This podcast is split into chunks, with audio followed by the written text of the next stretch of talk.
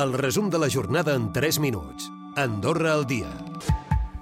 Onzena jornada de campanya electoral, però com de costum a nosaltres ens ocupen les altres notícies al temps.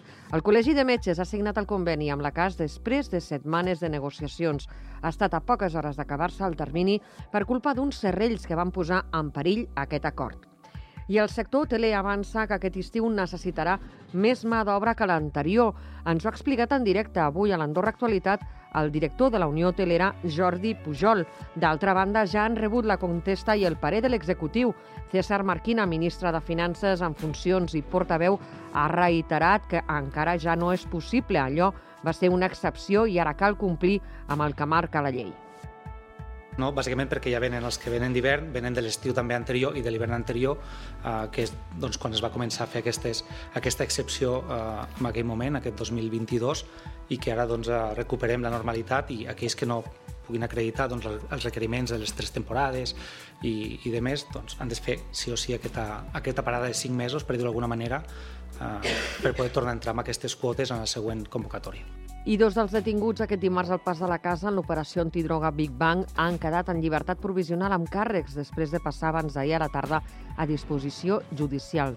Els altres dos detinguts continuen en dependències judicials i la investigació està encara oberta i la irrupció dels vehicles de mobilitat personal ha complicat el trànsit, que malgrat tot és fluid fora de les hores de col·lapse.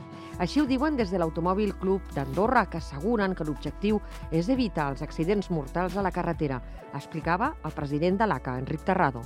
Evidentment, l'ideal seria zero accidents, però bueno, conteu que, que a part dels cotxes que s'han incrementat el volum de trànsit, hi ha les bicicletes, que també s'han incrementat moltíssim, els patinets, etc eh, etc. Clar, tot això són, són, són coses que, bueno, que incrementen el perill d'accidents.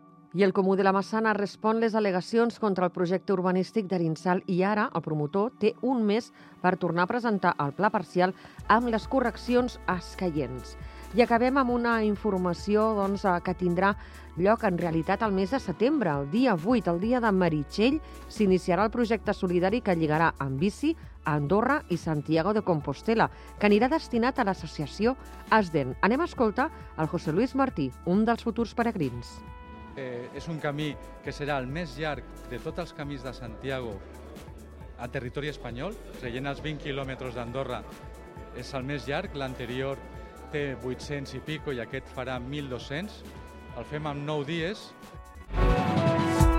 Recupera el resum de la jornada cada dia a AndorraDifusió.d i a les plataformes de podcast.